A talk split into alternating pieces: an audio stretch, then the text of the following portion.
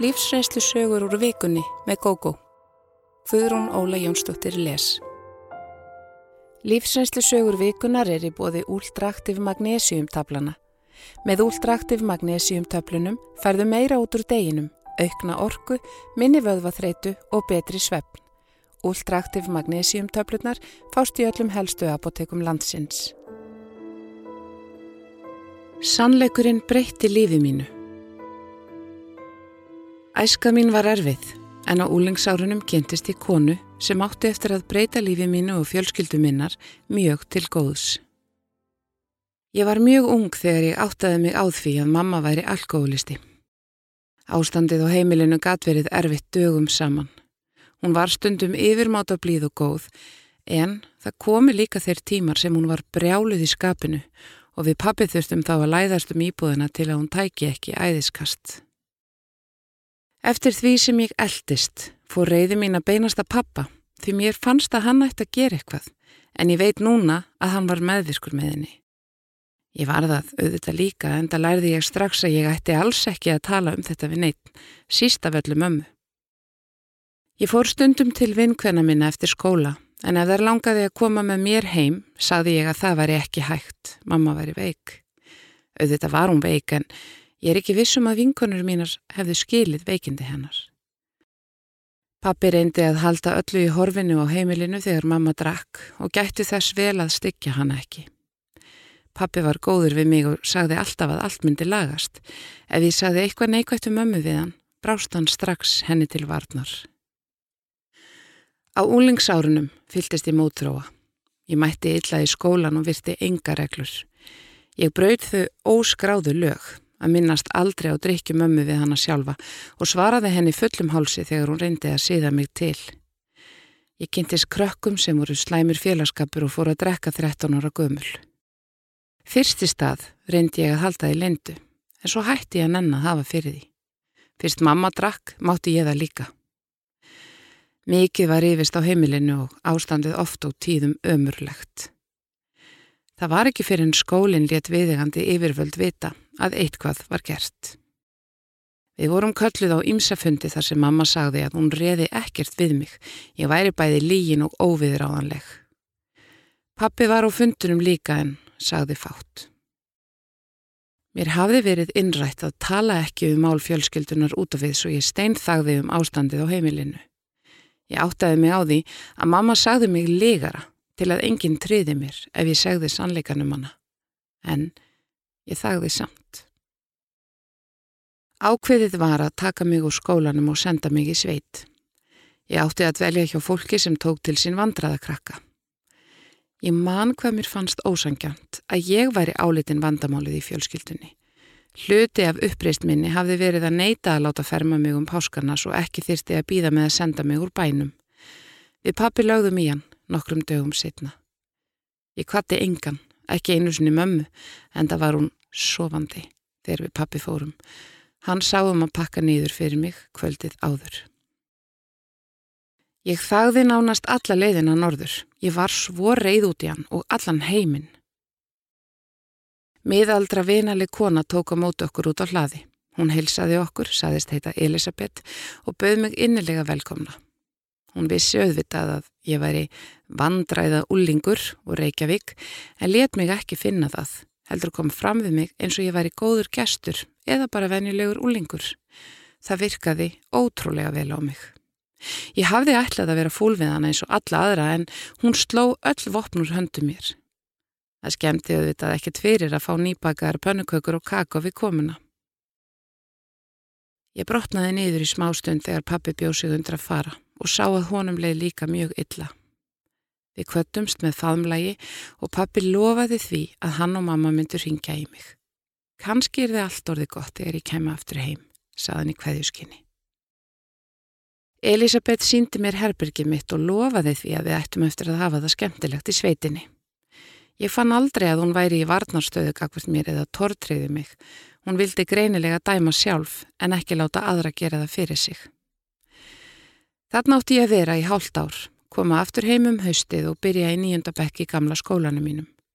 Ég kveið því, en það ekki vanalegt að krakkar hættu skindilega í skólanum. Ég vissi að ég yrði spurð út úr en hafði ekki hugmyndum hverju ég ætti að svara. Besta vinkonu mín í skólanum hafði fjarlagst mig eftir að ég varð villingur en ekki einu sinni hún vissi allt. Eftir nokkra daga í sveitinni leiði mér miklu betur. Ég fekk að taka þátt í störfunum og fannst skemmtilegast að vera nálagt hestunum. Elisabeth var alltaf jafn góð við mig og maðurinn hennar var líka fín þótt hann væri fámól. Þau áttu uppkomin börn sem voru mikið í sveitinni hjá þeim. Um sumarið fjölkaði nokkuð. Hress vinnumadur kom til starfa og elsta barnabarn hjónana dvaldi hjá okkur í rúman mánuð. Svo var mikill gestagangur. Mamma ringdi nokkrum sinnum í mig og ef ég var úti lit hún skila hverju til mín. Ég talaði líka við pappa en fann að ég hafði litla þörf fyrir að vera í samskiptum við foreldra mína. Gamla lífið mitt fjarlagðist sífelt meira og ég lefði mér að njóta þess til hins ídrasta að vera til. Tímin leið allt og fratt og allt í hennu var ágústmánuður komin. Ég fann fyrir kvíða og að mér langaði ekki heim í rugglið. Mér leið vel í þessu umhverfi þar sem samskiptin voru eðlileg. Eitt daginn, skömmu eftir hádegi og þegar allir fóru farnir út að vinna, stakk Elisabeth upp á því að við færum að baka. Afmæli mitt var daginn eftir og hún saðist velja halda veistlu sem væri bæði afmælis og hveðju veistla fyrir mig. Við spjöldluðum heilmikið um lífið og tilveruna á meðan og svo spurði hún mig hvort mér liði illa. Henni hefði fundist ég eitthvað skrítin undanfarið. Ég sagði henn að mér liði vel í sveitinni, eigilega allt og vel, því ég kviði svolítið fyrir því að fara heim aðalega út af skólanum. Ég ótaði sko að krakkarnir segðu og annars líkt.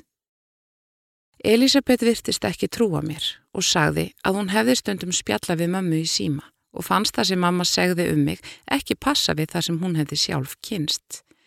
Hún vildi samt ekki segja mér hvað mamma hefði sagt um mig. Er eitthvað sem þú vilt segja mér, spurð hún og bætti svo við. Það lagast ekkert nema þú segir sannleikan. Ég þagði í smá stund, en ákvað síðan að segja Elisabetu alltaf leta. Hún fekk að heyra allt um drikkjumömmu að hún keldi öllu í heljargreipum þegar hún væri sem verst. Pappi gerði aldrei neitt, neitaði að taka afstöðu, segðist bara halda með okkur báðum. Ég hefði flúið ástandi með því að hanga með krökkum sem voru utangarðs en væri mjög ánægð með að vera laus við þau. Nú kviði ég svo innilega fyrir því að þurfa að takast á við allt rugglið í mömmu aftur. Mér leið vel eftir að hafa lett þessu af mér og var nánast óstöðvandi þegar ég saði konunni frá ýmsum atvikum í tengslum við drikkjum ömmu og allri vanliðaninni. Elisabeth var góður hlustandi og spurði í lokin hvort hún mætti láta vissa mannesku sem hafði með mín mála gera vita af þessu. Ég kingaði kolli en sagði ekkert og þorði heldur ekki að vona neitt. Afmælis og hverjuveislan mín daginn eftir var frábær og ég fekk ekki bara pakka frá fólkinu heldur líka frá mömmu og pappa sem hafðu sendt mér gjöf og Elisabeth geimt fram á afmælistaginn sjálfan. Þessar tvær vikur sem eftir voru flugu með örskotsraða og allt og fljótt var komið að hverjustund. Ég faðmaði hestana og síðan heimilisfólkið, þakkaði fyrir ógleimanlegan tíma og hétt því að vera í sambandi. Ég veit ekki almennilega hvað gerðist eftir að ég sagði Elisabetu alltaf leta en sá aðili sem létt vista mig í sveitinni satt greinilega ekki auðum höndum. Þegar pappi kom að sækja mig sagði hann mér þar gleði fréttir að mamma væri komin í meðferð. Ég fyltist von en jáfnframt svo litlum kvíða og beði lengi eftir að verða skömmuð fyrir að hafa sagt frá lindarmáli fjölskyldunar. Þær skammir komu aldrei. Okkur pappa var líka hjálpað. Hann fór á aðstandenda námskeið og ég var sendið nokkur viðtöl sem gerði mér ekkert nema gott. Það var ekkert mál að byrja aftur í skólanum. Mér var vel tekið og ég held að krakkarnir hafi ekkert pælt í því hver ég hafi verið. Vinkona mín, þessi besta, fekk að vita allt saman en það engin ástæði til að halda hlutunum lindum. Mamma var allt önnur þegar hún kom heim en það tók mér samt nokkur tíma að fara að treystinni. Smám saman komst þó nýja lífið okkar í fastar skorður og því lík breyting sem varð á öllu. Mamma var döglega að fara á fundi og pappi á sína aðstandendafundi. Með tímanum varð fjölskyldan heilbreyðari og samskiptin líkari því sem ég hafi kynst í sveitinni. Ég vildi að ég gæti sagt að við fjölskyldan hefðum verið hamingjusum upp frá þessu en aðeins þremur árum eftir að ég kom heim úr sveitinni veiktist pappi alvarlega og lést skömmu síðar. Þetta var gífurlegt áfall og um tíma ótaði stegað mamma færi að drekka aftur. Svo fór þó ekki. Mamma stóð sig eins og hetja. Hún talaði mikið um hversu þakklátt hún væri fyrir hvað síðustu árin með pappa hefði verið góð. Mamma snerti ekki áfengi þar sem hún átti ólifað en hún var ekki heilsurhaust. Ég fekk þó að hafa hana hjá mér í 15 ári viðbútt. Þegar hún dó var ég búin að gera hann að ömmu tvekja barna sem hún sá ekki sólina fyrir. Ég hef stundum hugsað um hvernig lífi mitt og foreldra minna hefði orðið ef ekki hefði verið grepið inn í það. Mér finnst ekki ólíklegt að ég hefði orðið óregluða bráð því það var eina leiðin sem ég fann til að mótmæla ástandinu á heimilinu. Ég held enn sambandi við fólki í sveitinni og reynið að skreppa norður á hverju sumri. Elisabeth veit að ég þakk henni alfarið fyrir breytingarnar sem urðu á lífi mínu en hún reynir að gera lítið úr því og segir að allt hefði komist upp fyrir það síðar. Það má vera en kannski hefði það gerst of seint. Það sem vakti grunnsemdir hennar um að eitthvað væri ólægi á heimilinu var að mamma talaði svo illa um mig við hana, saðist meðal annars vona að ég væri ekki að gera hana brjálaða með lígum og bulli. Elisabeth þekkti mig að allt öðru og furðaði sig líka á þeim upplýsingum sem hún fekk um mig áður en ég kom til hennar. Hún ákvað þess vegna að reyna að fá upp úr mér hvað væri raunverulega að. Það tókst henni með góðum árangri og ég verði henni alla tíð afar þakklátt fyrir afskiptasimina. Forbóðnar ástir Maðurinn minn hjælt fram hjá mér og þegar ég ákvaða fyrirgefunum og taka saman við hann aftur varð allt vittlust í fjölskyldu minni sem vildi að ég segði endanlega skili við hann. Ég mun aldrei sjá eftir því að gefa honum annað tækifæri þótt hann hafi ekki átt að skilið.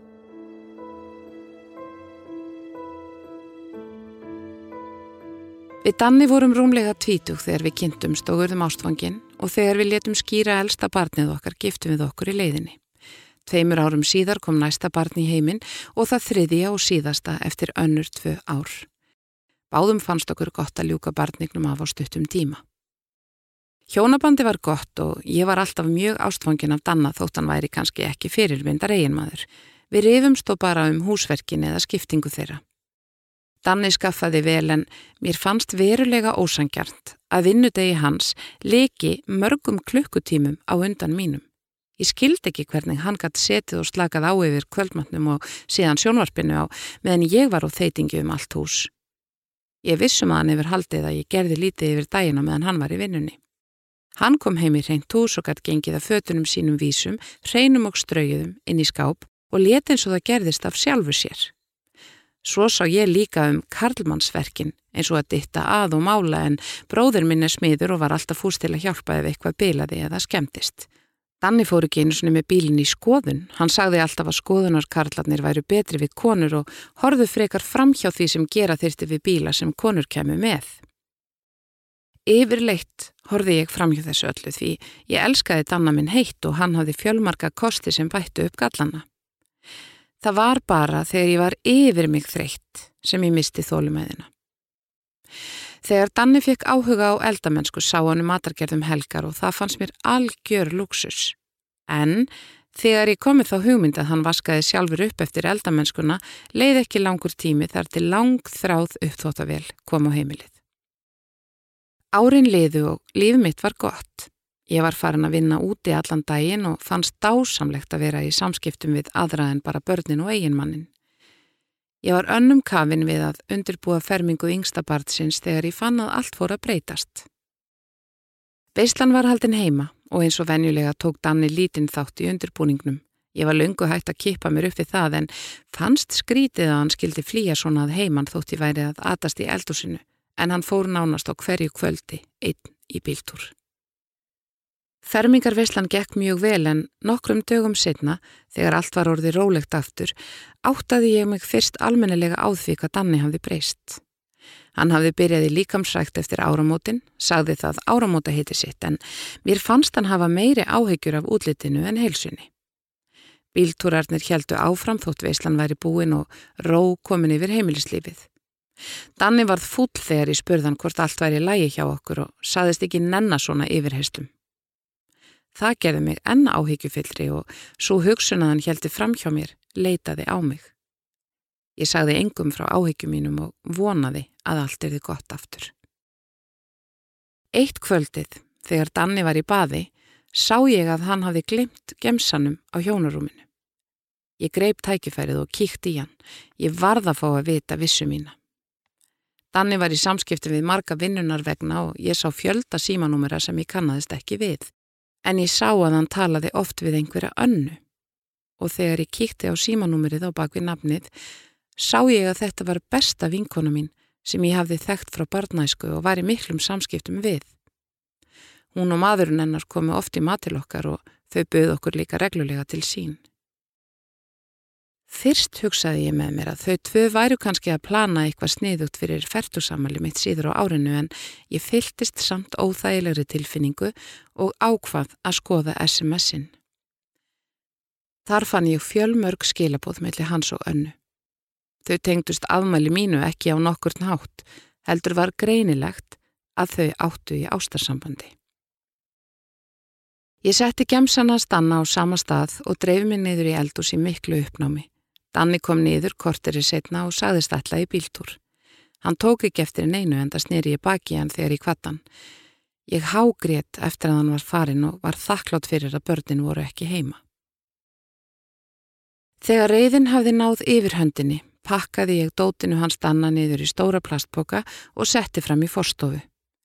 Síðan sendi ég honum SMS um að ég vissi allt um hann og önnu og að mér þættu þau bæði viðbjóðsleg. Danni geti komið og sótt óti sitt en ég kerði mig ekki um að hitta hann. Ég ringdi síðan í sístur mína og baða hann um að koma og vera hjá mér um kvöldið og gista. Hún fekk að vita allt og varð bálreið fyrir mína hönd. Danni kom ekki heim fyrir en daginn eftir og reyndi fyrst að ljúa sig út úr þessu en ég neytaði að hlusta á hann. Hann hunskaðist í burtu og flutti tímabundi til bróður síns. Við skildum í kjölfarið, en áður en skilnaðurinn varða lögum ákvað ég að fyrirgefunum og við tókum saman aftur. Það var eins og að eignast nýjan mann, svo mjög var Danni breyttur. Hann var hjálplegri á heimilinu og svo miklu romantískari en áður. Hann stóð við öll loford sem hann hafi gefið mér um að breytast. Fjölskylda mín tók þessu mjög illa. Bæði foreldrar mínir og sískinni reyndu allt hvað þau gáttu til að fá mig til að breyta ákvörðun minni.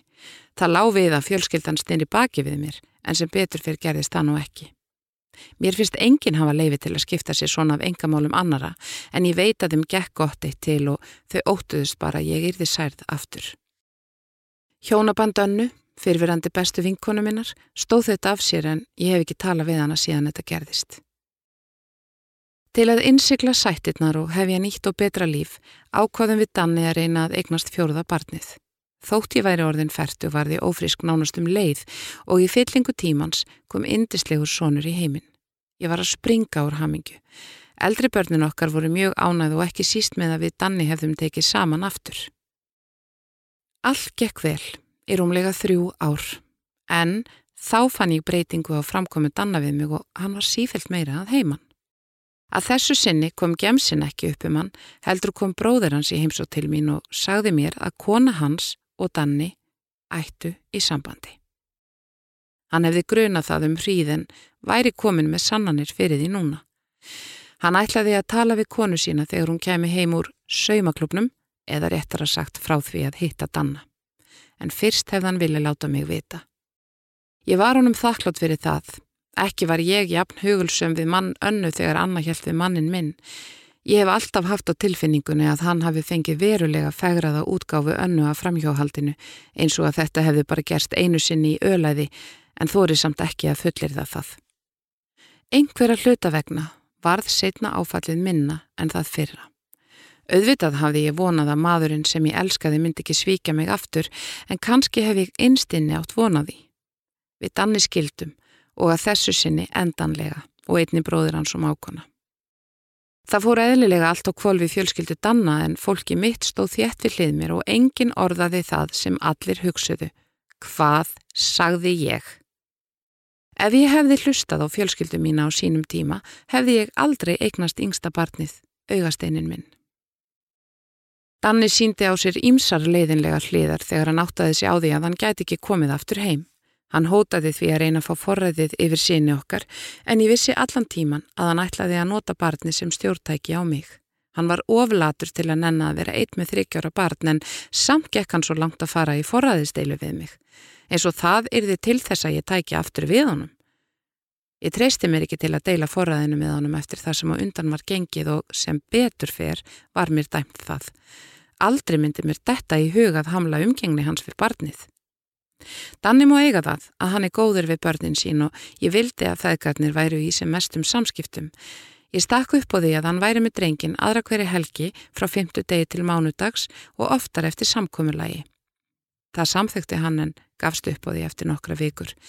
Hann vildi bara hitta drengin inni á mínu heimili eftir sínum hendurleikum og ég samþykti það, allra batnana okkar vegna. Hann varði fyrstu jólunum eftir skilnaðin með okkur og var eins og grár köttur á heimilinu langt fram á næsta ár. Ég fann að hann stemdi að því að komast aftur heim. Sambandi við mákununa stóð stutt. Ég áttaði mig á því að hann vildi vera giftur mér en eiga jafnframt í spennandi og forbóðnum samböndum til að krytta tilveruna. Ég var ekki til í það. Lóks fikk ég nóg og sagði Danna að þetta gengi ekki lengur. Hann var í fyrverandi maðurinn minn og ég ætlaði ekki taka saman við hann aftur. Aldrei. Þá sagði Danni þessa óborganlegu setningu. Hvað hef ég eiginlega gert þér? Ég fór að hlæja og svaraði Hvar á ég að byrja? Næstu vikur og mánuði þurfti ég að standa först á mínu því Danni gafst ekki upp. Loks var eins og hann sæi að honum tækist ekki að smjadra sér leið að mér á nýjanleik og ég fekk frið. Nokkru mánuðum setna eignaðist ég svo vinn, frábæran mann sem ég er farin að búa með. Danni er brjálaður út af því og reynir að ljúa upp ljótum sögum um nýja mannin sem hann segir að ég geti ekki treyst. Ég treysti honum algjörlega en Danna get ég aftur á móti aldrei framar treyst eftir sára reynslu mína af honum. Óheiðarleg tengdadóttir Elsti sónur minn var fadir ungur að árum eða um tvítugt. Ég hef alla tíð verið í góðu sambandi við barsmóður hans og lengi vel skildist mér á henni að hann sínd henni lítinn stuðning. Mér líkaði strax vel við Kristínu þegar Hjalti kynnti okkur foreldra sína fyrir henni. Hún virkaði þó á mig eins og hún væri svo litið umkomilaus. Æska hennar hafði ekki verið auðveld. Pappinar var drikkveldur og móðurinn skaphörð. Þau bygguði sama hverfi og við svo ég þekkti til fólksins hennar. Unga parið fór að búa í kjallaranum í húsi foreldra hennar skömmu áður en barnið kom í heiminn. Þau byggu í tveimur herbyrgjum en án eldunaraðstöðu svo þau borðuðu á efrihæðinni. Það var vissulega þægilegt en það var samt reglulega gefið í skinn að þau væru bakki á tengdafóreldrunum, þrátt fyrir að stór hluti launa hjálta færi í leigu og fæði. Það þóldi hjálti ekki, enda mjög stoltur og skömmu eftir að sonurinn fættist fann hann litla íbúð á leiguhandaðim. Hjalti er mjög stoltur og sjálfstæður og hefur verið það frá upphafi. Hann vildi gera allt sjálfur, klæða sig, borða og slíkt þegar hann var lítill og ég lærði fljótt að gefa honum sinn tíma. Hann náði alltaf að gera hlutina á sinn hátt. Fátt breytist þegar hann eldist. Hann er fámóll en ljúfur og góður maður og ég hef reyndi gegnum tíðina að skipta mér ekki af hans málum. Þegar Jónsi litli var að verða tveggjára, sleit unga fólki sambandinu. Þau voru þá búsetti lítill í leiguýbúð. Hjalti flutti tímabundið heim en um haustið fór hann í skóla og bjó á heimavist. Þar kynntist hann konunni sem er eiginkona hans í dag. Kristín bjó áfram í íbúðinni. Hún eignaðis kærasta ekki löngu síðar og tvö börn bættust við á skamum tíma. Ég held góður sambandi við hana en við hittumst sjálfnar eftir að nýjum maðurinn var komin til sögunar. Mér leist ekki vel á hann. Hann myndi mig á foreldra Kristínar, var geðvonskulegur og mikið fyrir sopan. Hann var samt aldrei vondur við börnin, held ég, Jónsi litli kvartaði ekki yfir honum en sagði svo sem heldur aldrei neitt fallegt um hann. Þar sem Hjalti var út á landi reyndu við hjónin að koma í hans stað og tókum Jónsa til okkar eins oft og við gátum eða minnst aðra hverju helgi. Ég fann að Kristín var þakklátt fyrir það en það nóg að gera hjá henni með tvö önnur börn. Samband Kristinar og nýjamannsins varði í tæp fimm ár og það var alveg greinilegt undir það síðasta að hún var ekki hafmyggisum. Hún var vissulega vön svona fjölskylduminstri, drikju og leiðindum, svo líklega fannst henni eðlilegt að þreja þetta. Hún hafði glýmt við veikindi og var nánast orðin óvinnu fær. Það var ekki hún sem steitt sambandinu. Maðurinn let sig hverfa eitt góðan viðurdag, döði leiður á baslinu. Kristín tók þetta mjög næri sér en mér fannst hún heppin að hafa losna við hennar ræfil, en ég sagði það aldrei við hana. Ég hafði mikla samúð með Kristínu. Hún var orðin einstað móður með þrjú börn, heilsu lítil og hafði verið óheppin með leigu íbúðir eftir skilnaðin, þurft að flytja nokkrum sinnum því íbúðirnar voru seldar, jafnvel nokkrum mánuðum eftir að hún tók þar á leigu. Hún fór að byggja mig um peningalán annars slægið og ég reyndi mitt besta til að hjálpa henni. Þegar svona sonurinn kom í heimsokk til okkar var hann yðurlega í hálfgerðum tötrum. Það var sama hvað ég kefti mikinn fatnað á hann, alltaf var hann frekar druslulega til fara. Laungu setna áttaði ég mig á því að það hefði sennilega verið með vilja gert hjá Kristínu til að fá samúð okkar og aðstóð. Ég myndist ekki á neitt við hjálta en var svegt yfir því að hann syndi barnið sínu ekki betur þótt hann hefði svo sem nómið sig og ört stækandi fjölskyldu sína. Jónsi fór til hans aðra hverja helgi og stráksi virtist yfir sig hrifin af pappa sínum. Ég tók eftir því að drengurinn var alltaf vel til fara þegar hann kom í heimsók til okkar með pappa sínum en hjælt þá að sá litli ætti auka född þar en hugsaði svo sem ekki mikið út í það. Mér leti mikið þegar borgin útvegaði Kristínu ágæta leigu íbúð. Líf hennar breytist til munna við það. Kristín ógum á góðum bíl og Jónsi hafði sagt mér að oft væri heimsendur skyndibiti í matin og heimilinu. Kristín var oft með verki og átti þá eðlilega erfitt með að elda mat. Mér fannst þú frekar fúlt að lána henni peninga sem fóru í rándýran skyndibita. Ég fór að gera annað til að stiðja hana og eldaði rétti á borði lasagna og kjötbólur sem ég fristi í álformum og ferðinni. Hún var alltaf mjög ána með það. Þegar Jónsi fermtist, bað Kristinn mig um að hjálpa sér með matin fyrir veisluna og ég saði það vera alveg sjálfsagt. Við ákveðum að gera tvo mismunandi pottrétti sem ég ætlaði að kaupa í og svo ætlaði ég að baka kransaköku. Kaupa átti stóra marsipantertu en allt annað var heimakert. Hún myndist ekki á að borga mér ráöfnið, heldur fór að tala um hvað salurinn væri dýr, fatnaðurinn á drengin og sjálfur fermingarkostnaðurinn til prestsins. Borgar hjalti ekki helmingin af öllu, spurði ég. Vonandi, sagði hún svo litið döpur, eins og hún ætti ekki vonaði. Ég sagði ekki orð, en um kvöldi ringdi ég í hjalta. Nú var nóg komið. Ég var gröm út í hann en reyndi að fara vel að honum og byrjaði á því að segja honum að ég ætlaði hjálpa Kristinu að útbúa matinn fyrir ferminguna. Ég vissi að fermingarkostnaðurinn væri hár, ætlaði hann ekki öruglega að borga sinn hluta. Mér hefði skilst á Kristinu að það væri eitthvað vafamál. Hjalti þagði í smá stund og ég held að hann væri fó greiður út í mig fyrir afskiptasemina en líklega var hann of hissa til þess. Í ljós kom að hann ætlaði alfarið að sjá um fermingafötin og drengin og það vissi Kristín full vel. Þeir feðgar ætluði í bæinum næstu helgi til að kaupa þau. Hjalti hafði líka sagt að hann ætlaði að borga leiguna að fullu fyrir salin og minnst helmingin í kostnaði við veisluna. Í þessu löngu tímabæra samtali við Hjalta var með ljóst að við áttum það sameinilegt að hafa keift föta Jónsa því okkur fannst hann svo druslulega til fara þegar hann var yngri. Kristín bað hann frekar um peninga fyrir fötum og barnið og Hjalti hafði samþygt það. Eftir það kom Jónsi mun betur til fara til hans.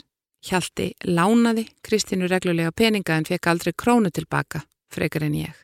En hann vorkendi henni og vildi henni allt er besta. Hann varð hissa þegar ég sagðist líka hafa geft fött á drengin þegar hann var lítill og einnig lánað Kristínu peninga og gefið henni mat. Hjalti sagði mér að Kristín væri sannarlega ekki jafn blá hún leti og bætti þið við að henni heldist undarlega illa á peningum fyrst hún bæði um aðstóð frá mér líka en vissulega væri dýrt að lifa, við vissum það bæði. Ég var mjög ringluð eftir þetta símtal og áttaði mig á því að Kristín vissi auðvita hvað hjalti væri lokaður og að ósennilegt væri að við tvö myndum ræða hennar mál. Þannig gæti hún fengi hjálp frá okkur báðum. Ég var þó alveg vissum að Kristín væri ekki neinu ruggli, mér fannst líklega að hún væri bara eðslusum. Samt var ég eins og eitt stórt spurningamerki eftir símtali við hjalta. Þegar ég var búin að jafna mig aðeins á undruninni, ringdi ég í Kristínu og sagðin að hún þyrti engar áhyggjur að hafa. Ég hefði talað við Hjalta og hann myndi sjá um salin, fatnaðin og hluta af veisluföngum, eins og hann hefði lofað henni. Hann ætlaði að leggja matarkostnaðin inn á reikningin minn og ég myndi kaupa efnið í matin og sjá um að borga marsipantertuna. Ég leti svo ekkit væri, en heyriði að það koma á hana. Hún hafði greinilega ekki búist við því að við hjalti rættu málinn. Jónsa vegna tók ég ekki slægin við hana. Ég eldaði réttina heima og Kristín kom og aðstóðaði mig eins og við höfum talað um. Þá áttaði ég mig á því að Kristín hafði ekki haft hugsun á því að fá einhver til að hjálpa til í eldhúsi salarins og ringdi í vinkonu mína sem var til í að koma. Veislan gekk mjög vel og Jónsi virtist allsæl með daginn, Kristín líka. Ég er komin á þá skoðun að Kristín þrýfist á því að fólk vorkeninni. Hún er ekki jafn fátak og hún lætur fólk halda. Það er eins og hún þurfi að eignast allt sem hún þráir. Mér finnst fínt að hún hafi það gott en ég er ekki hrifin af því að það skulle vera á minn kostnad og þeirra sem hafa hjálpað henni gegnum árin til að hún eigi fyrir matofan í börnin.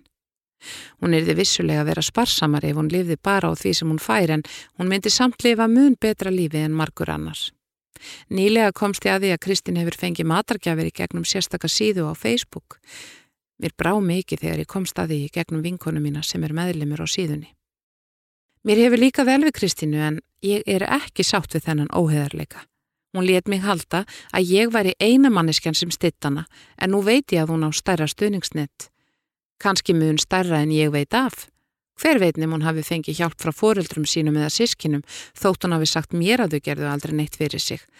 Og þá er ekki óleiklegt að hún hafi sagt þeim að hún fengi engan stuðning frá hjálta og hans fólki.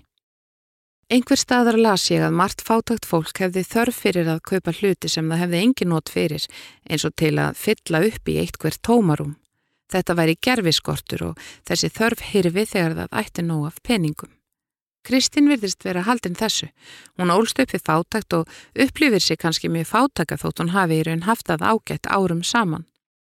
Mér finnst hún hafa misnótað greiða semi mína. Vegna Jónsa ætla ég að halda friðin við hana en ég mun ekki láninni krónu framar.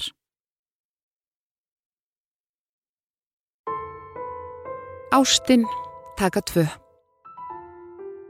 Ég elskaði mannin minn heitt og hjælt að við erum saman alla tíð í gegnum súrt og sætt, sorgir og gleði. Á erfiðum tíma í lífi okkar brástan og ég var svo sár að ég ætlaði aldrei að bindast öðru manni ástarböndum. Við Jónni kynntumst í háskólanum. Hann var ekki beint sætur en bjóði við afar miklum personutöfrum. Ég hafði sannlega tekið eftir honum eins og flesta stelpunar sem sátu tíma með honum. Hann hafði greinilega tekið eftir mér líka. Í fyrstu vísindaferð vetrarins fórum við að spjalla saman og eitt leiti af öðru. Við vorum enni námi þegar við giftum okkur og skömmu eftir útskrift eignuðumst við strákin okkar. Ári síðar fórum við til útlanda í framhaldsnám. Íslendingafélagið var nokkuð virt og við kynntumst mörgum löndum okkar. Skemtanalíf var mikill, meira en ég átti von á og mér líkaði, en ég kvætti Jonna til að hanga ekki heima yfir mér og barninu heldur drífa sig út. Við vorum vissulega mjög önnum kafin í náminu en Jonna þótti betra en mér að slaka á í góðravina hópi. Árið sem við komum heim hjælt Jonni fram hjá mér, en ég fyrirgaf honum. Hann var mjög drukkinn þegar það gerðist og var svo yðrandi þegar hann saði mig frá því að ég gati ekki annað en fyrirgefið honum. Ég vissi að hann væri vinsalli á konum en við grunaði samt aldrei að nokkuð svona geti gerst. Ein vinkona mín ytra sagði að Jónni hefði lag á því að láta konum finnast það svo fallegar. Hann horfi einhvern veginn þannig á þar að þar fengju á tilfinninguna að þar væru æðislegar. Hún sagði það vera hluta af personutöfurum hans en hefði aldrei litið á framgömu hans við sig sem viðreynslu. Þetta var rétt lýsing á honum og eitt af því sem ég kolfjall fyrir þegar ég kynntist honum. Mér fannst ég fallegasta manneski á jarðuríki þegar hann horfi á mig. Ég hafði ekki átt að mig almennelega á því að hann gerði þetta við allar konur. Þar sem eftir lifði dvalar okkar ytra fór Jónni ekki út að skemta sér án mín. Við fórum þó í samiðilegt kveðjuparti með fleiri Íslendingum sem voru á heimleið en konan sem Jónni svaf hjá mætti ekki. Mig grunar að hann hafi beðið hann um að halda sér fjari. Ég var annars viðbúin því að hitta hana en mikill var léttir minn þegar hún let ekki sjá sig. Þegar heim var komið fórum við í þennan venjulega pakka, finna íbúð, vinnu og leikskólaplás fyrir sónin. Það gekk allt vonum framar enda höfðum við byrjað að undirbúa flutningan á nokkru mánuðum áður og foreldrar okkar hjálpað mikið til. Rúmu mánuði eftir að sonur okkar byrjaði á leikskólanum fjekk ég uppringingu og var sagt að hann væri veikur. Ekki grunaði mig að hann ætti ekki afturkvæmt þangað. Þar sem virtist vera slappleiki reyndist alvarlegur sjúkdómur. Læknar sögðu að hann myndi þurfa að glíma við hann lengi og mögulega yrði hann aldrei samur. Ég vil ekki lýsa veikindunum nánar á þessum vettvangi en áfallið var gífurlega mikið, svo mikið að ég misti fóstur. Mér hafði grunað að ég gæti verið ófríska náttu eftir að fá það staðfest. Ég varð ótrúlega sár út í Jonna þegar hann sagði að þetta hefði verið fyrir bestu. Það hliti að vera hræðilegt álega að vera með mjög veikt barn og einning ungbarn. Þetta var auðvitað rétt hjá honum en ekki það sem ég þurfti að heyra akkurat á þessum tíma. Yfirleitt var ég jarðbundnari aðilinn í hjónabandinu en þarna var ég yfir mig þreytt, sorgmætt og svart sín. Aðalæknir sonar míns ráðlaði okkur í honna að leita okkur hjálpar og benti á sálfræðiráðgjöf og fleiri möguleika. Við fundum fínan sálfræðing, konu sem var á svipuðum aldrei og við og fórum að hitta hana reglulega, stundum saman, stundum sitt í hverju lægi.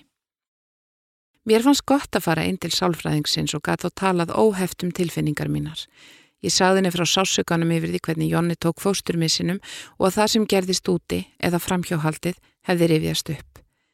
Mér líkaði sérlega vel við þessa konu og fannst gott að geta gráti hjá henni því ég gerði það ekki annar staðar og mér leið alltaf betur eftir tímana hjá henni. Ég hætti að vinna tímabundi til að sinna síni mínum, bæði á sjúkrahúsinu og svo eftir að hann var komin heim. Andleg líðan mín var orðin miklu betri og það þakkaði ég meðal annars sálfræðingnum. Jonni virtist líka mjög ánaður með hann og saðist vilja halda áfram hjá henni eftir að ég var hætt. Hann væri svo lokaður en þessari konu gengi vel að fá hann til að tala. Mér leist vel á það. Jonni vann mikið en þegar hann var heima á kvöldinu og um helgar reyndan mikið að fá mig til að gera eitthvað fyrir sjálfa mig, fara út með vinkonu mínum, heimsækja foreldra mína eða bara gera eitthvað skemmtilegt. Ég gerði það nokkrum sinnum en fannst alltaf verfitt að vera lengi í purtu frá drengnum svo ég fór í mestarlægi í bíó með vinkonunum. Hjónalífið var samt ekki upp á sitt besta. Ég var algjörlega orkulus. Allt sem ég átti til að gefa fór í drengin. Jónni kvartaði ekki, heldur var hann mjög skilningsríkur. Tæpu ári setna fengu við góðar fréttir frá læknum barsins og sólinn fór að skína á ný. Hann myndi eiga í veikindunum allt sitt líf en vissa lífsættulegar aukaverkanir sem við höfðum verið vöruð við væru ekki lengur fyrir hendi. Það var mitt í þeirri gleði sem Jónni ákvaði að segja mér að hann vildi skilnað. Hann væri ástfangin af sálfræðingnum okkar. Ég skil ekki enn hvernig mér tókst að halda róminni. Ég var brjáluð innra með mér, ekki síst þegar ég rifiði upp öll skiptin sem ég hafði grátið yfir Jonna hjá þessari konu. Mér hafði þótt væntum hana og treyst henni algjörlega. Jonni var hættur í meðferð hjá henni en sagðist að var rekist á hana þegar hann fór á pöpp með vinum sínum. Hann pakkaði niður nokkrum flíkum og snirti dótinu sínu og sagðist að var samband við mig eftir nokkra daga. Skilnaðurinn gekk ótrúlega vel fyrir sig. Ég var nánast dofin og Jonni vildi allt fyrir mig gera. Hann var með svo mikið samviskupið að hann vildi að ég held í íbúðinni og saðist ætlað að borga þrefalt meðlag með barninu. Dóðin helst lengi en ég einbeitti mér að barninu mínu og þannig held ég geðhilsunni í sæmilegu lægi. Ég held líka að áfalli sem ég varð fyrir vegna veikinda drengsins hafi verið svo mikið að það hafi dreyið úr hinnu. Jónni giftist konunni og mér skilst að þau séu hafmyggisum. Við sínum hvort öðru fylstu kurtis í barsins okkar vegna. Þegar sónur minn var sex ára byrjaði hann í skólanum og elskaði að vera þar frá fyrstu stundu og þá fiskat ég farið að vinna fulla vinnu. Helgarnar og aukadagarnir sem drengurinn var hjá pappa sínum voru kærkomin kvilt og hjálpuði mér við að púsla mér saman. Besta vinkona mín síndi mér mikinn stuðning og ég verði henni eiliflega þakklátt fyrir það. Sama hversu illa mér leið tókst henni alltaf að hressa mig við. Hún reyndi ekki að rýfa mig upp með neittni hörku eins og sömur telja bestu aðferðina, heldur hafði hún lag á því að ná því besta fram hjá mér. Góðsemi hennar hafði svo miklu betri áhrif á mig en hálfgerðar skammir frá mömmu sem sagði að ég yrði nú að taka mig saman í andlitinu. Ég mætti vera fegin að hafa losna við hennar svikara, ég yrði að hætta að gráta og allt í þeim dúr. Ég varð bara enn sorgmættari og fór að forðast mömmu þegar mér leið sem verst. Það tekur sinn tíma að sirkja og vinkona mín áttaði sig á því. Henni tókst alltaf að fá mig til að hlæja og fyllast hugreiki. Hún fór að hvetja mig óspart til að finna mig nýjan mann en ég hristi bara hausinn. Ekkert var mér fjær skapi. Hún myndi mig á að tilværi fjölmarkir dásamlegir menn eins og maðurinn hennar, bróðir minn, pappi og fleiri. Það væri einhver góður þarna úti sem byði eftir að hitta mig. Vinkona mín reyndist sansbá. Hún og maðurinn hennar drefið mikið skipulagða gönguferðum óbyggðir á samt fullri rútu af skemmtilegu fólki. Þarna leindist hann leifur minn sem er eigin maður minn í dag. Við smullum ótrúlega vel saman. Það var eins og við hefðum alltaf þekst. Hann er gjör ólíkur minnum fyrfirandi, bæði útlitslega og heið innra. Við fórum okkur þó rólega til að byrja með, hittumst svo sífelt oftar og svo var það ekkit aftur snúið. Hann er átt árum eldri en ég, ekkill og tvö uppkomin börn. Við ferðumst mikið bæði innan og utanlands. Leifur er einstaklega góður við sónminn og þeir eru góðir vinir. Sárindi mín út í Jonna hurfu smám saman en ég hef samt afskaplega lítinn áhuga á því að vera í miklum samskiptum við hann og konuna hans fyrir um sálfræðingin minn. Við Jonni verðum samt alltaf tengdi gegnum svonokkar og drengsins vegna mun ég aldrei sína þeim hjónum neitt fjandskap. Til hvers? Lífið er allt of stutt til að velta sér upp úr leiðendum fortíðar og festast þar. Ég kýs frekar að horfa fram á veginn og hlakka til þess að verja lífinu með leifi og síni mínum.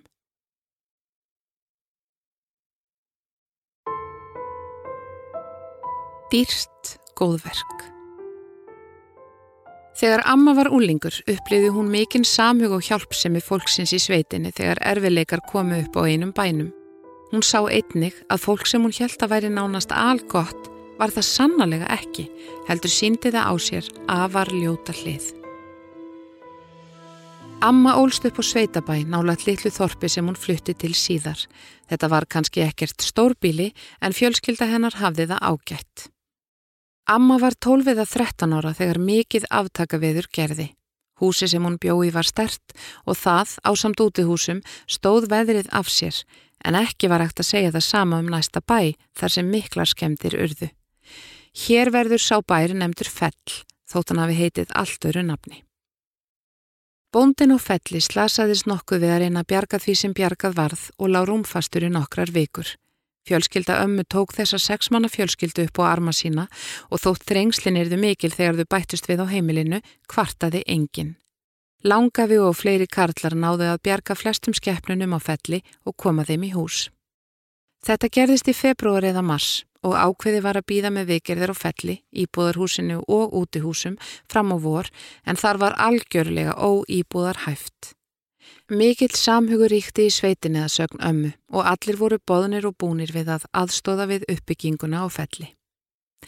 Fjölskyldan var mjög niðurbyggð eftir áfallið og hjónunum fannst greinilega erfitt að vera svona upp á aðra komin. Þau voru stolt en aðstæðurnar gáðum engan annan valkost. Húsfreyjan jafnaði sig fljótlega, vildi vinna og endurgjald alla hjálpina. Hún þótti mjög rösk, nánast hamleipa til vinnu. Amma leitt oft eftir börnunum hennar og sagði þau hafa verið skemmtileg og geðgóð. Þau voru klætt hálfgerðum lörfum þegar þau komu inn á heimilu ömmu en fyrir áttuður reyndar ekki mikið, kannski rétt í skiptana. Langama gaf fjölskyldinu eitthvað að fatnaði sem hún mátti missa en á þessum tíma áttu allir nómið sig. Langafi og fleiri fóru í að sapna saman timbri og ímsu sem hægt var að fá ódýrt eða gefins. Byggingarefni lágist ekki á laus á þessum tíma.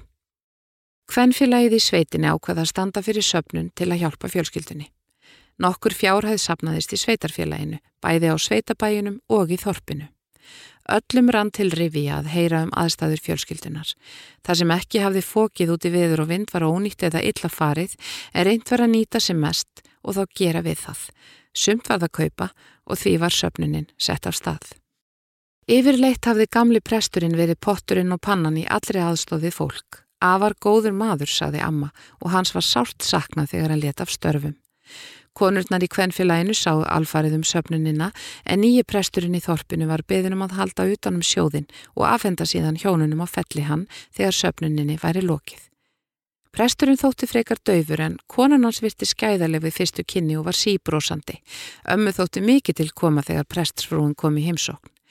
Frúin vissi að börnin frá felli voru klæðalítil og bauðst til að sauma spariföt að þau og móðurinn þáði það með þökkum.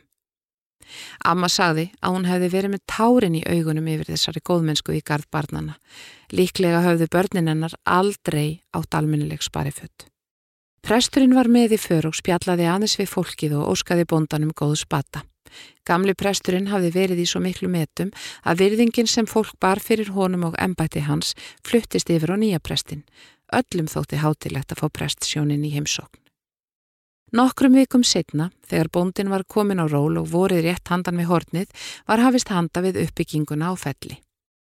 Presturinn mætti skömmu síðar á heimili ömmu og færiði bóndanum á felli söpnunarfið. Þegar hann rétt honum umslægið, saðan að þetta væri öll fjárhæðin, nema hann hefði tekið frá greiðsluna fyrir fötin sem prestsfrúin saumaði á börnin. Það var ekki bara efniskostnaðurinn, heldur komið ljós að frúin hafði reiknað sér fínasta tímakaupi saumaskapin. Húsfreyinu á felli döðbráð þegar hún heyrði þetta en hún saði ekki orð. Setna heyrði amma að konurnar í kvennfélaginu hefði orðið brjálaðar þegar þær fréttuð þetta. Þær vissu hvað mikið hefði sapnast og líka hvað hjónin á felli fengu og þetta voru ansirreint dýr sparifjöt á þessum tíma. Fötin voru vissulega falleg og vel sögmuð en fjölskyldan hafði þörf fyrir flest annað en að borga stór fjö fyrir sparifjöt á börnin. Prestsfrúin hafði verið lofið og prísuð í sveitinu fyrir góðsemina en henni láðist alveg að minnast á að hún ætlaði að selja fjölskyldinu fötin. Það gramdist mörgum. Hjónin á felli hefðu aldrei leift sér að kaupa svo dýranfatnað, kvorki á signi börnin og húsfriðan hefði aldrei þegið þetta fallega bóð ef hún hefði vitað að þau þyrtu að borga fyrir. Þetta fannst ömmu og öðrum vera algjör óþverraskapur af prestsjónunum sem hefðu greinilega engan skilning á fátækt. Á litlum stöðum frettist allt rætt og innan tíðar logaði allt í sögum af þessum fegráðugu prestsjónum eins og fólk kallaði þau. Aldrei náðu þau álíka hilli og gamli presturinn og konanan sem öllum þótti innilega væntum. Hvennfélagið bað prestin ekki aftur um að koma nálagt einu eða neinu en prestsfrúni var þó ekki meinaður aðgangur þegar hún sóttu um að verða hvennfélagskona. Þau hjónin byggu þarna nokkuð lengi, eða í um 15 ár. Amma fermtist hjá þessum presti og saði hann hafa verið ágætan við börnin en þeim þótti þó ekki væntum hann, eins og gamla prestin. Hjónin og fellin náðu sér vel á stryk á næstu árum og voru alltaf fyrst allra til að bjóða fram aðstóð ef einhver staðar bjátaði eitthvað á. Þau vildu greinilega endurgjálta hjálpina sem þau fengu frá sveitungum sínum. Þau steinhættu að fara í kirkju eftir viðskiptin við prestin en þau letu þó ferma börnin í kirkjunni hans. Amma saði ótt við mig að líti væri að marka umbúðirnar. Ég mætti ekki dæma fólk eftir ytrabyrðinu. Það væri innri maðurinn sem skipti máli. Hún tók afa sem dæmi um slikt. Margir sem ekki þekkt hann held hann væri algjör rustið því hann var stór og grófgerður í útliti, talaði hátt og nokkuð mikið fór fyrir honum. En amma sagði að hann hefði verið með hjarta úr gulli. Hann var mjög bargóður og mikill dýravinur. Það var hann sem gaf fugglunum þegar hart var í ári hjá þeim og fóðraði daglega stygga villiköttin sem hjælt sig árum saman við húsið þeirra ömmu. Þótt ekki týðkaðist á þessum tíma að Karlar vösuðist í húsverkum, greip Afi oft í ríksuguna til að leta á ömmu. Amma sagði að hann hefði verið langt á undan sinni samtíð. Því miður kynntist ég honum aldrei því hann dó þegar ég var enn ungbarn. Ég hef kynst fólki sem ég hef treyst í fyrstu vegna ennbættist þess eða stöðu og orði fyrir sárum vonbreyðum eða síðar. Og ég er ekki deinum það. Gömul skólasistir mín og vinkona hafði verið á glapstigum um langar hríð en var að feta sín fyrstu skref á beinubrautinni þegar henni var útvegað sjálfbóðaliða starf á góðgeðamarkaði hjá ákveðnu trúfélagi sem hefur ágætt orð á sér fyrir hjálpsemi við þá sem minna meiga sín. Vinkona mín hafði fengið skilóspundan dóma fyrir þjófnaði og var á mörgum þess að vera sendið fangilsi áður en hún sneri við blaðinu. Hún frussaði af neykslan þegar hún saði mér frá því sem hún varð vitni að eða því að þetta góða fólk og söpnuðinum hyrti sjálf dýrmættustu hlutina sem bárust á markaðin. Oft voru heilu dánarbúin gefinðángað en eftir að starfsfólkið hafði farið í gegnum gósið var hardla fátt fjemætt eftir. Hún sagði mér að kettlingarnar hýrtu gullið en yðurlega bárust skarkgripir og sömur vermaðir. Ef það langaði ekki að eiga gripina, seldu þar þá og hýrtu ágóðan. Vinkona mín fekk áfall þegar góða fólki reyndist vera svona siðlust, gráðugt og óheiðarlegt. Þetta var kannski ekki besti staður en að vera áfyrir vinkona mína þegar hún var að reyna að hefja nýtt líf en heikslunarnar síndi mér þó að hún væri á réttri braut. Já, og þessi góðgeðamarkaður er ekki lengur starfrektur. Ég bjói nokkur ár með lauruglumanni. Hann sagði mig ljótar sögur af yfirmanni sínum sem hann sagði vera mjög óheðarlegan og lögreglunni til skammar. Ef vinir þessa yfirmanns brutu af sér eða fengu á sig kæru, jafnvel fyrir alvarlega hluti, hafði Karlin eitthvert lag á því að láta málinn hverfa eða talaði fólk ofan á því að kæra. Þessi maður var vinsæl og vel liðin, þótt ótrúlegt megi virðast. Vinnufélagar hans margir hverjir vissu þó betur. Sem betur fyrr starfar þessi maður ekki lengur hjá lauruglunni. Ein vinkona mín er lögga og ef hún tækir mig fyrir ofræðan akstur mynd hún heiklust sekta mig. Ég veit að það væri ekki personilegt, heldur er hún stráng heiðarleg og ég ætti ekki skilið að sleppa frekar en aðris. Eitt sinn spjallaði ég við ritvund í bóði, mann sem ég hafði litið mikið upp til vegna skrifa hans, en viðkomandi síndi mér og vinkonu minni lítilsverðingu þegar hann tróð sér inn í samtalokkar við fleira fólk, kannski af því að við vorum nobodies. Í þessu samabóði spjallaði ég óvænt við annar reytöfund, konu sem ég hafði alltaf haldið að væri hrókafull og leiðinleg, en hún reyndist vera algjört indi, mjög skemmtileg og fyndin. Þegar ég var yngri, hætti mér til að setja fólk á stall, en lífið hefur kent mér að misjap sögður er í mörgu fjö og ekkert starfseiti tryggir gott innræti fólks. Þegar ég rætti málin einu sinni sem oftar við ömmu og þetta barst í tal, sagði hún með söguna af fólkinu á felli og prestsjónunum. Þótt sagan sé gömul, finnst mér hún eiga fullt erindi til fólks í dag. Þú varst að hlusta á lífsreynslu sögur úr vikunni með GóGó í lestri Guðrúnar Óli Jónsdóttur og framleiðslu Storysight árið 2020. Höfundaréttur Vikan.